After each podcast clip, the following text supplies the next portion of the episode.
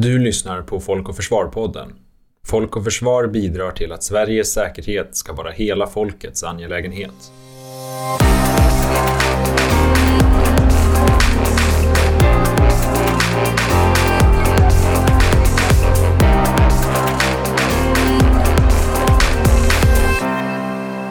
I ett återuppstått totalförsvar engageras hela samhället direkt eller indirekt i beredskapen för krig. Det innebär att många kommer att ha roller inom vilka man kan åstadkomma stor skada för totalförsvaret, till exempel genom att röja känslig information. Ett sätt att hantera denna sårbarhet på är att genomföra säkerhetsprövningar. Idag omfattas alla värnpliktiga av säkerhetsprövningar eftersom alla befattningar är säkerhetsklassade. Jag har ställt vissa frågor på sin spets. Framförallt kring hur man ska hantera att totalförsvarsplikten är en plikt samtidigt som det finns ett formellt samtyckeskrav för att de obligatoriska säkerhetsprövningarna ska kunna genomföras. Systemet så som det ser ut idag har tillskyndare men har också väckt kritik. Möjligheten att på förhand kunna kontrollera personer som kommer att ha betydelsefulla roller i händelse av krig står här mot argument om personlig integritet och vad som utgör en ändamålsenlig resursfördelning. Bland annat för att få svar på hur detta ska hanteras tillsatte regeringen tidigare i år en utredning. Denna kommer att lämna över sitt slutbetänkande i mitten av oktober. Välkommen till Folk och Försvar-podden där vi i detta avsnitt kommer att belysa frågan om säkerhetsprövning av totalförsvarspliktiga och hur det relaterar till totalförsvaret i stort. I avsnittet kommer ni att få höra Margareta Bergström, särskild utredare i utredningen säkerhetsprövning av totalförsvarspliktiga, Sven Blomberg, ledamot i Pliktrådet samt Henrik Häggström, senior analytiker på Försvarshögskolan.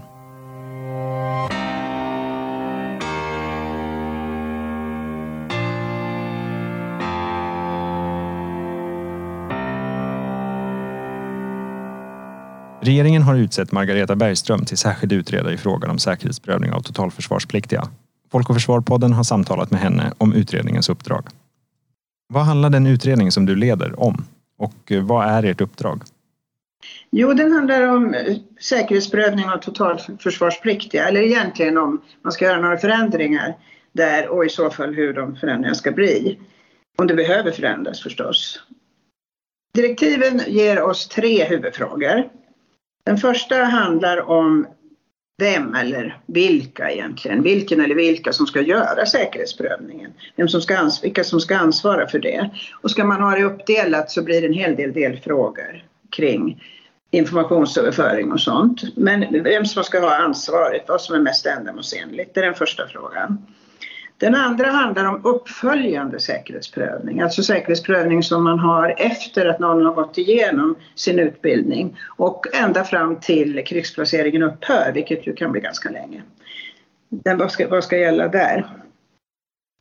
Hur ska den genomföras? Och den tredje frågeställningen är om man kan göra undantag, om det ska vara befogat att göra undantag från samtyckeskravet till en del utav säkerhetsprövningen. Det krävs samtycke för att man ska få göra registerkontroll och det krävs samtycke för att man ska få göra en sån här särskild säkerhetsutredning. Och frågan är, och det är ju ett allmänt krav som gäller och som är starkt, men kan man göra undantag för totalförsvarspliktiga?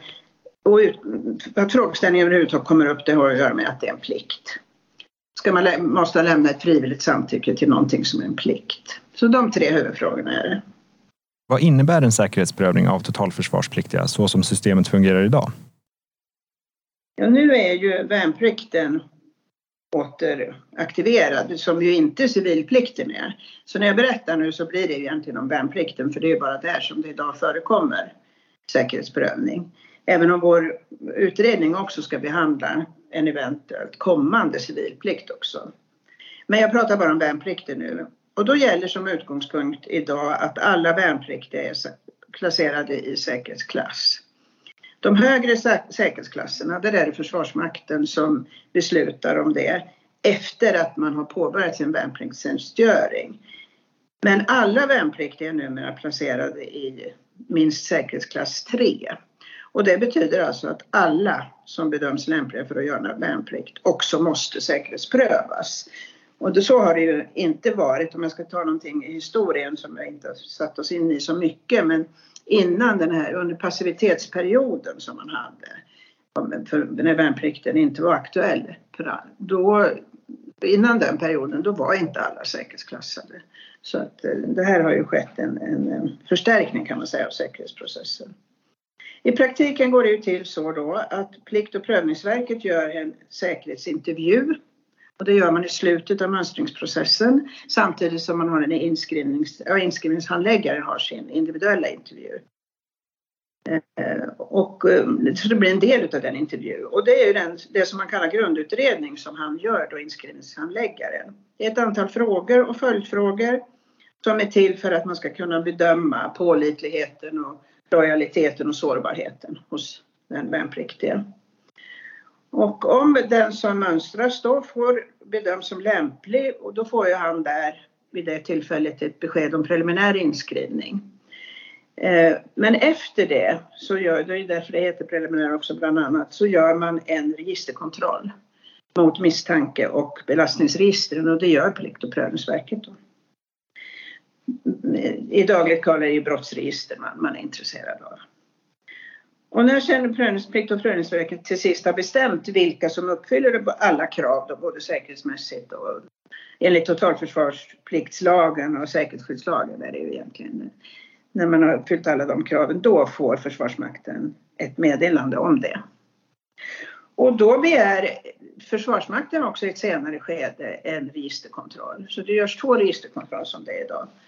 Och den kontrollen görs av Säpo eh, och då måste man också underställa Säkerhets och integritetsskyddsnämnden uppgifter som man hittar och de bestämmer om de ska lämnas ut eller inte och de bestämmer om den enskilde ska få yttra sig över uppgiften eller inte. Så går det till. Och eh, menar man då att eh, de här uppgifterna faktiskt har betydelse för placeringen så lämnas de ut. Sen ligger den här registerprövningen kvar som jag, som jag redan har nämnt. Den ligger ju kvar sen under hela den tiden man är krigsplacerad. Eh, man, och, och, då går det till på samma sätt som jag beskrev i den första registerkontrollen där. Kommer in nya uppgifter då prövar man i Säkerhets och integritetsskyddsnämnden om de ska lämnas ut. Kanske får man yttra sig eh, beroende på hur säkerhetskänsliga uppgifterna är då. Och sen så lämnar man ut till Försvarsmakten om man tycker att de har betydelse. Alltså, det är en ganska ingående prövning som man gör faktiskt hos Säkerhets och integritetsskyddsnämnden. Men, men den här registerkontrollen ligger kvar hela tiden även när man är ute i det civila livet så att säga. Sammanfattningsvis så kan man väl säga då att det, det den här säkerhetsprövningen innehåller för de allra flesta, de som är klassade i trean, det är ju att man har den här grundintervjun mot slutet av mönstringen och sen har man två registerkontroller och sen så kommer det in nya uppgifter i registret så förs de, så förs de kontinuerligt in. Det är det som är säkerhetsprövningen idag för klass 3. Sen är det ju en mer ingående prövning för de som kommer i ettan och tvåan såklart.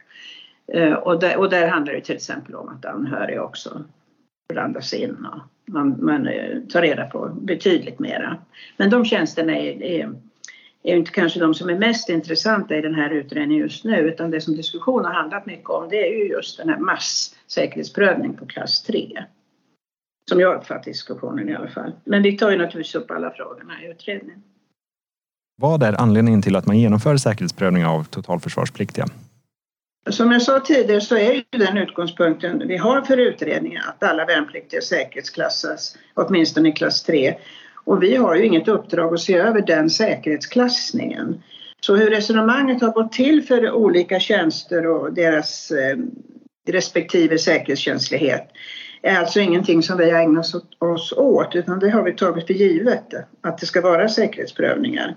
Men bedömningen om jag får säga det för att prata för Försvarsmakten är ju att all tjänstgöring numera är så säkerhetskänslig att det finns behov av att pröva de här bristerna i pålitlighet, lojalitet och sårbarhet, sårbarhet hos alla. Och om jag har förstått det rätt så har det att göra med allmän modernisering naturligtvis. Eh, och fler vet mera än man gjorde tidigare men också att eh, säkerhetstjänstlagen har skärpt kraven. Vad är det som gör den här frågan aktuell nu? Ja, den har väl egentligen varit aktuell ända sedan man återaktiverade värnplikten när regeringen tog beslut 2017. Sen dess så har Plikt och prövningsverket, för enkelhetens skull kallar jag dem det, de har ett länge namn, men de har, har eh, arbetat tillsammans med Försvarsmakten och arbetat fram och utformat rutiner för hur säkerhetsprövning ska gå till idag då med den här nya lagen och med nya förhållanden. Och till exempel så har de träffat en uttrycklig överenskommelse hur förfarandet ska gå till på olika sätt. Men det, det här förfarandet är inte formaliserat. Och det är heller inte jag ska säga, rättsligt prövat ingående i ett sammanhang som, som vi nu sett som vår uppgift att göra i den här utredningen. Vilken roll spelar samtycke i säkerhetsprövningarna? Ja, samtycket är ju ganska centralt får man väl säga. Då, sammanfattningsvis registerkontrollen som ju ingår då medför att känsliga personuppgifter hos enskilda personer ska lämnas ut utanför den myndighet som har de här personuppgifterna. Och eh, det krävs då samtycke från den enskilde och det känner man ju igen från många andra sammanhang också att det krävs samtycke. Det är ingen skillnad, det är samma princip som gäller för värnpliktiga. Men den eh, värnplikt, alltså den, det samtycket finns också skrivet, kodifierat i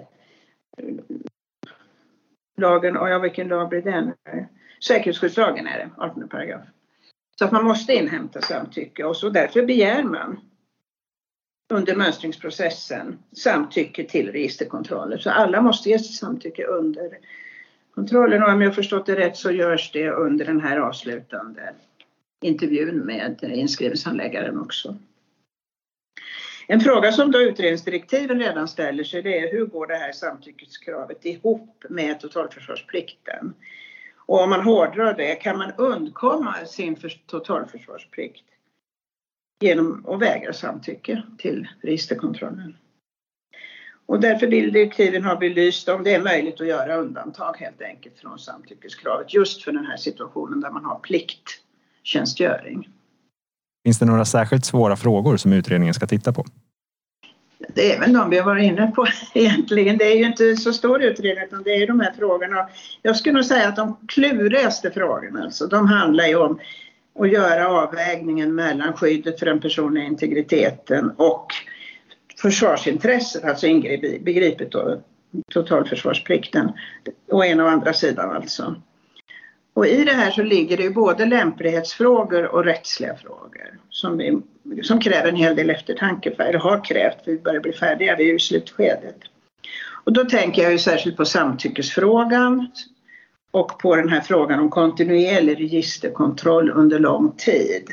Och båda de här frågorna har ju, där ligger det ju djupa intressemotsättningar som vi måste väga mot varandra. Det, det tycker jag har varit klurigt.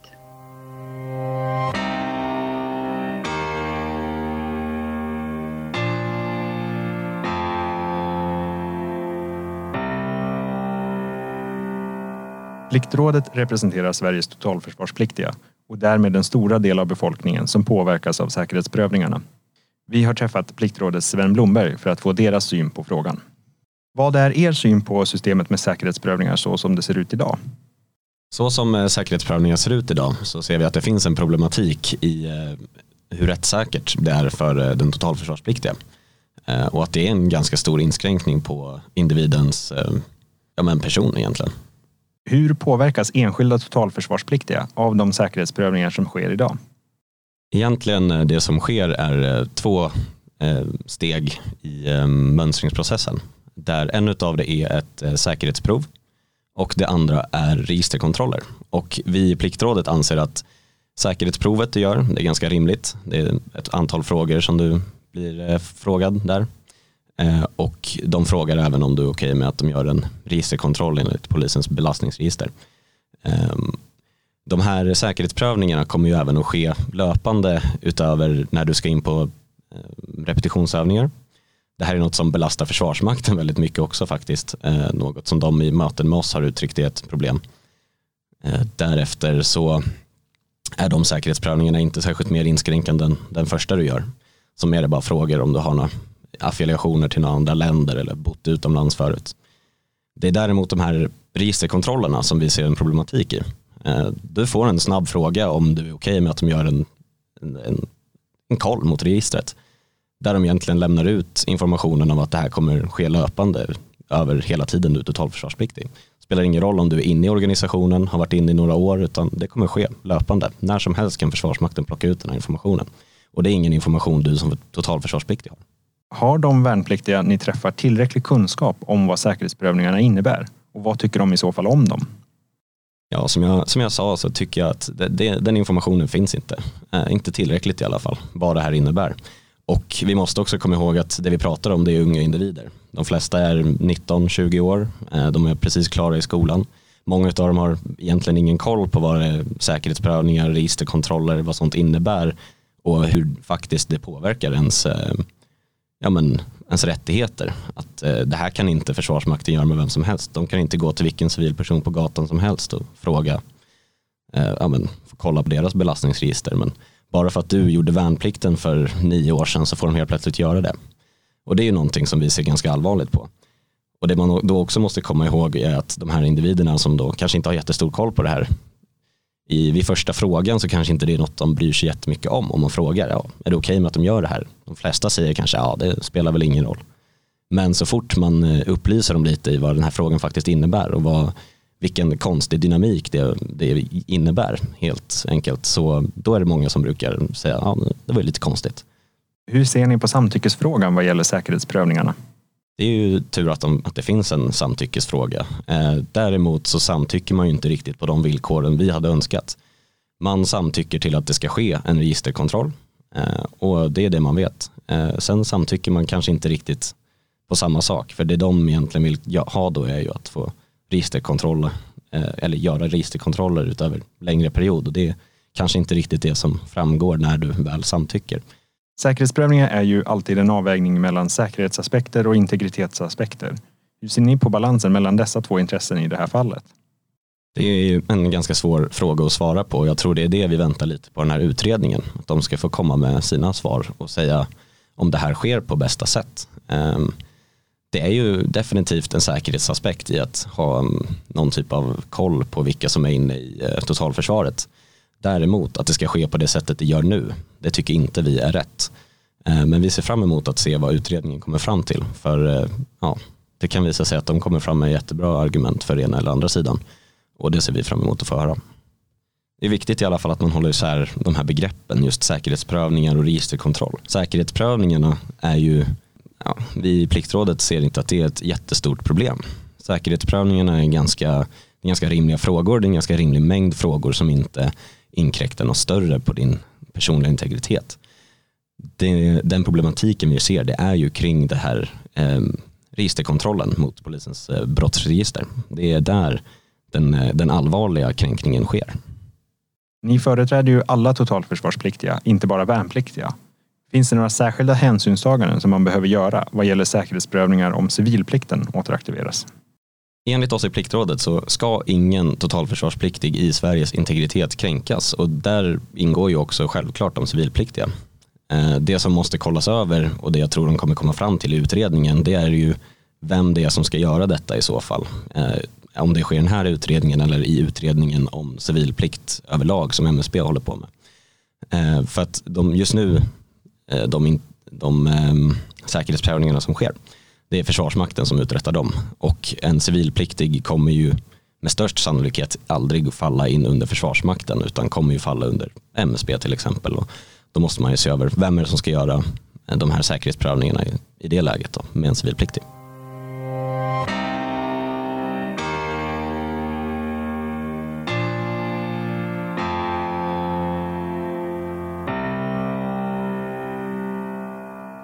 Frågan om säkerhetsprövning av totalförsvarspliktiga är en del i det större arbetet med att återupprätta totalförsvaret.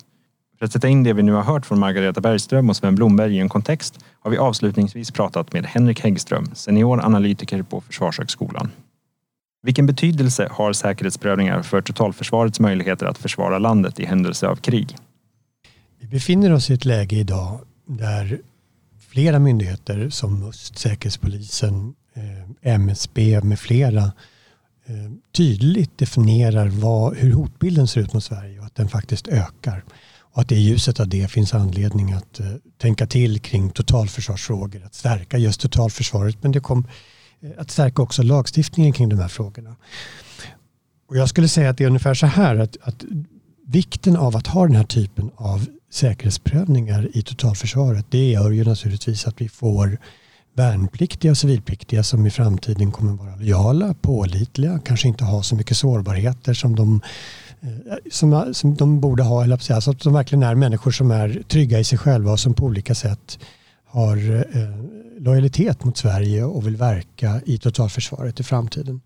Eh, det som säkerhetsprövningen gör naturligtvis det är ju att eh, urskilja personer som kanske inte riktigt delar de uppfattningarna. Vi befinner oss i ett läge idag, noterar vi från Försvarshögskolan till exempel, där vi ser att människor som kanske kommer från en, från en annan bakgrund, de, kan, de kanske tillhör en kriminell grupp eller de tillhör en våldsbejakande extremgrupp eller så, är väldigt intresserade av att ta del av värnplikten, möjligheten till vapenträning och utbildning och så vidare. Och det är naturligtvis så att det är de som vi vill ha bort ifrån den här typen av utbildningar i framtiden. Det är ju det som är huvudargumentet kan man säga. Vad skulle du säga är anledningen till att regeringen vill utreda frågan om säkerhetsprövning av totalförsvarspliktiga nu? Det är säkert flera anledningar till det, men några av dem jag kan se omedelbart är naturligtvis att å ena sidan har vi en situation idag där Försvarsmakten exempelvis är i stånd att rekrytera eller ta in eh, tusentals värnpliktiga. Jag tror 8000 om året från och med 2025. Det ska det blir, ju, det, blir en, det blir hundratusentals människor på sikt här framöver som på olika sätt ska in i Försvarsmakten. Naturligtvis är det en utmaning som i sig tarvar att man ser över rutiner för till exempel säkerhetsprövning och så vidare. Men jag tror att den allra viktigaste anledningen till att vi går vidare och, och, och, att Försvarsmakten och andra myndigheter ser över de här frågorna idag det är ju naturligtvis den nya säkerhetsskyddslagen och de föreskrifter som kommer därutav. Eh, och, och, och eh, förhöjda ambitioner och krav på att göra just säkerhetsprövningar på myndigheter som ägnar sig åt eh, säkerhetshotande verksamhet och annat. Det har lyfts fram argument om att säkerhetsprövningen av totalförsvarspliktiga så som den ser ut idag är väldigt resurskrävande. Hur tycker du att man ska se på balansen mellan kostnad och vinning vad gäller säkerhetsprövningar? Argumentet att det kostar pengar tycker jag på många sätt är helt den är ju väldigt relevant. Naturligtvis är det här en dyr process som, som kräver mycket resurser, eh, inte minst i ljuset av att det är så mycket människor som ska in i värnplikten exempelvis. Ehm, det är inte bara, det är inte bara liksom kostsamt utifrån perspektivet att vi faktiskt ska genomföra själva säkerhetssamtalen, att det ska göras registerkontroller och så vidare. Eh, men jag ser också framför mig att det kommer finnas ett, ett, en, en, helt annan situation i framtiden där man också kommer behöva göra utredningar på folk som av olika anledningar inte följer de föreskrifter som gäller. Men eh, det är också så jag vet att Allan Widman med flera driver ju den tesen att så här gjorde vi inte på 90-talet, varför ska vi göra det nu och så vidare. Men jag tror att det viktigaste argumentet som talar för detta eh, det är möjligen två. Då. Det ena är igen att vi har en ny lagstiftning på plats. Säkerhetsskyddslagen är väldigt tydlig i det här avseendet och det kommer vi inte runt oavsett hur vi beter oss på något sätt. Ehm, och sen är det ju förstås på det sättet att i, i ljuset av de, de nya ambitioner vi har med totalförsvar och totalförsvarsplikten inte minst så eh, vill vi ha personer i värnplikten som har som är, har rätt bakgrund, som är, som är lojala, pålitliga, kompetenta och vad det nu kan vara. Och därför så eh, tror jag att eh, det behovet upplevs som stort. Och avvägningen däremellan, ja det, det beror väl på vem du frågar. Men, men eh, utifrån ett säkerhetsperspektiv så tror jag ändå att eh, eh jag och många med mig delar uppfattningen att det här är ett bra, det är ett bra förslag, eller det är en bra väg framåt att säkerhetspröva totalförsvarspliktiga i framtiden. Hur påverkar utformningen av systemet för säkerhetsprövning av totalförsvarspliktiga totalförsvaret i stort? Ja, utformningen har ju olika komponenter naturligtvis. Å ena sidan har vi ju det faktum att det, det förekommer en diskussion idag till exempel om vilken myndighet som ska faktiskt göra den här typen av säkerhetsprövningar. Ska Plikt och prövningsverket göra det eller ska, ska Försvarsmakten själv göra det eller vad det nu kan vara. Och då är i alla fall min personliga uppfattning den att det är ju den myndighet som ligger närmast verksamheten, närmast rekryterande myndighet som ska, ligga, som ska göra den här typen av prövningar. Inte minst därför att det är också de som ska göra uppföljningssamtal upp, eh, och det arbete som sen skulle kräva om det till exempel skulle vara så att man behöver utreda eventuella brott eller sådär. Ehm, så det är, väl, det är väl en sån där faktor, ehm, tänker jag. Så som lagstiftningen ser ut idag krävs samtycke från den totalförsvarspliktiga individen för att en säkerhetsprövning ska kunna genomföras. Samtidigt så ska man inte kunna undvika plikt genom att inte ge samtycke till säkerhetsprövningen. Hur kan en stat hantera den här typen av konflikter mellan säkerhet och personlig integritet? Det är ju så här att vi har en konflikt idag mellan å ena sidan pliktlagen och säkerhetsskyddslagen som säger lite olika saker i det här sammanhanget. Säkerhetsskyddslagen är väldigt tydlig med att samtycke måste till när man gör en säkerhetsprövning. Ehm, samtidigt är det ju på det sättet förstås att en del människor tycker att det är integritetskränkande och vill därför inte. Det är ju ett bekymmer för bland annat Försvarsmakten men även andra totalförsvarsmyndigheter i framtiden om vi handlar i ett läge när, när eh, vi i värnplikten eller civila plikten eh, kan avstå eller säga nej på grund av, genom att använda oss av den här samtyckesregeln. Vi helt enkelt säger nej, jag vill inte vara med längre, jag ger inte mitt samtycke till den här typen av prövningar. Eh, jag tycker att det är eh, lite viktigt att komma ihåg att den typen av säkerhetsprövningar som görs inom ramen för totalförsvarsplikten i första hand handlar ju om en grad 3, den lägsta nivån på en tregradig skala. Eh, där man ju gör en enklare säkerhetssamtal och så har man också en registerprövning. Det är lite viktigt här Eh, att väga i vilken utsträckning det är integritetskränkande eller inte i förhållande till det faktum att man faktiskt har valt att vara med. Man kanske har, har liksom sökt sig till Försvarsmakten eller man har på olika sätt eh, när man har blivit så att säga, rekryterad eh, uttryckt önskemål att faktiskt gå med. Eh, det är enklare om man blir anställd i Försvarsmakten i och för sig, för där är det ju så att då är det ett krav att man ska, ha, eh, att man ska vara säkerhetsprövad och då får man säga ja eller nej till det. Det här är ju naturligtvis så att man blir rekryterad enligt pliktlagen och det är en annan, då blir det, då blir det mer komplicerat. Och vad jag försöker, det är ett långt svar på en fråga som egentligen landar i att den är så pass svår att svara på på ett enkelt sätt att jag tror att den här utredningen som Margareta Bergström nu gör den måste få ge svar på den frågan därför att det är i slutändan en lagstiftningsfråga egentligen och hur den ska tolkas. I totalförsvaret ingår en stor mängd människor som genom sina olika roller kommer att hantera sekretessbelagd information. Hur ser du på förutsättningarna för att kunna säkerställa en säker hantering av sådan information i stort?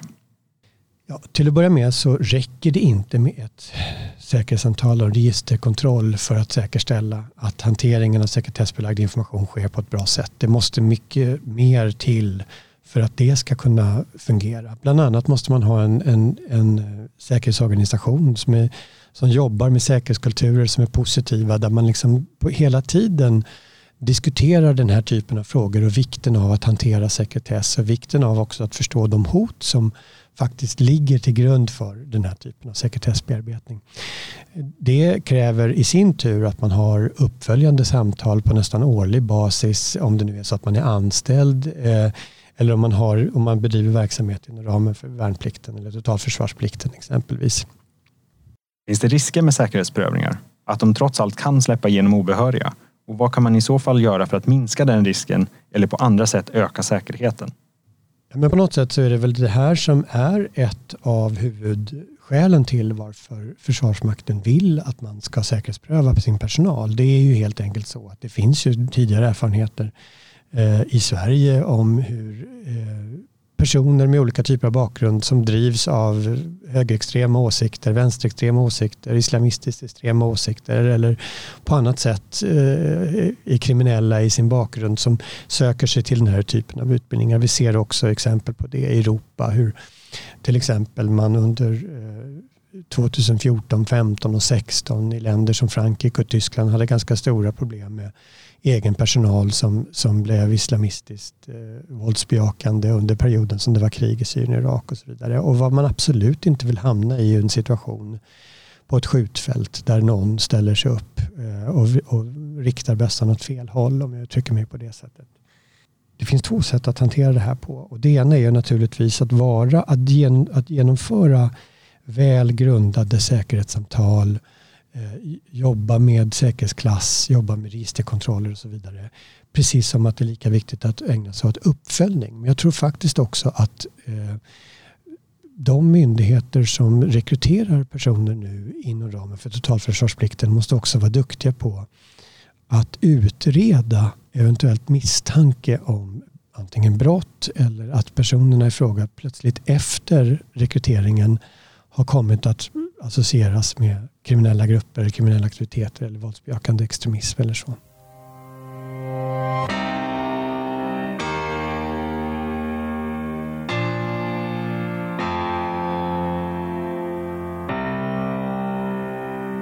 Du har lyssnat på Folk och Försvar-podden. Podden är skapad av Daniel Kjellén. För att ta del av mer av vår verksamhet, besök vår hemsida www.folkochforsvar.se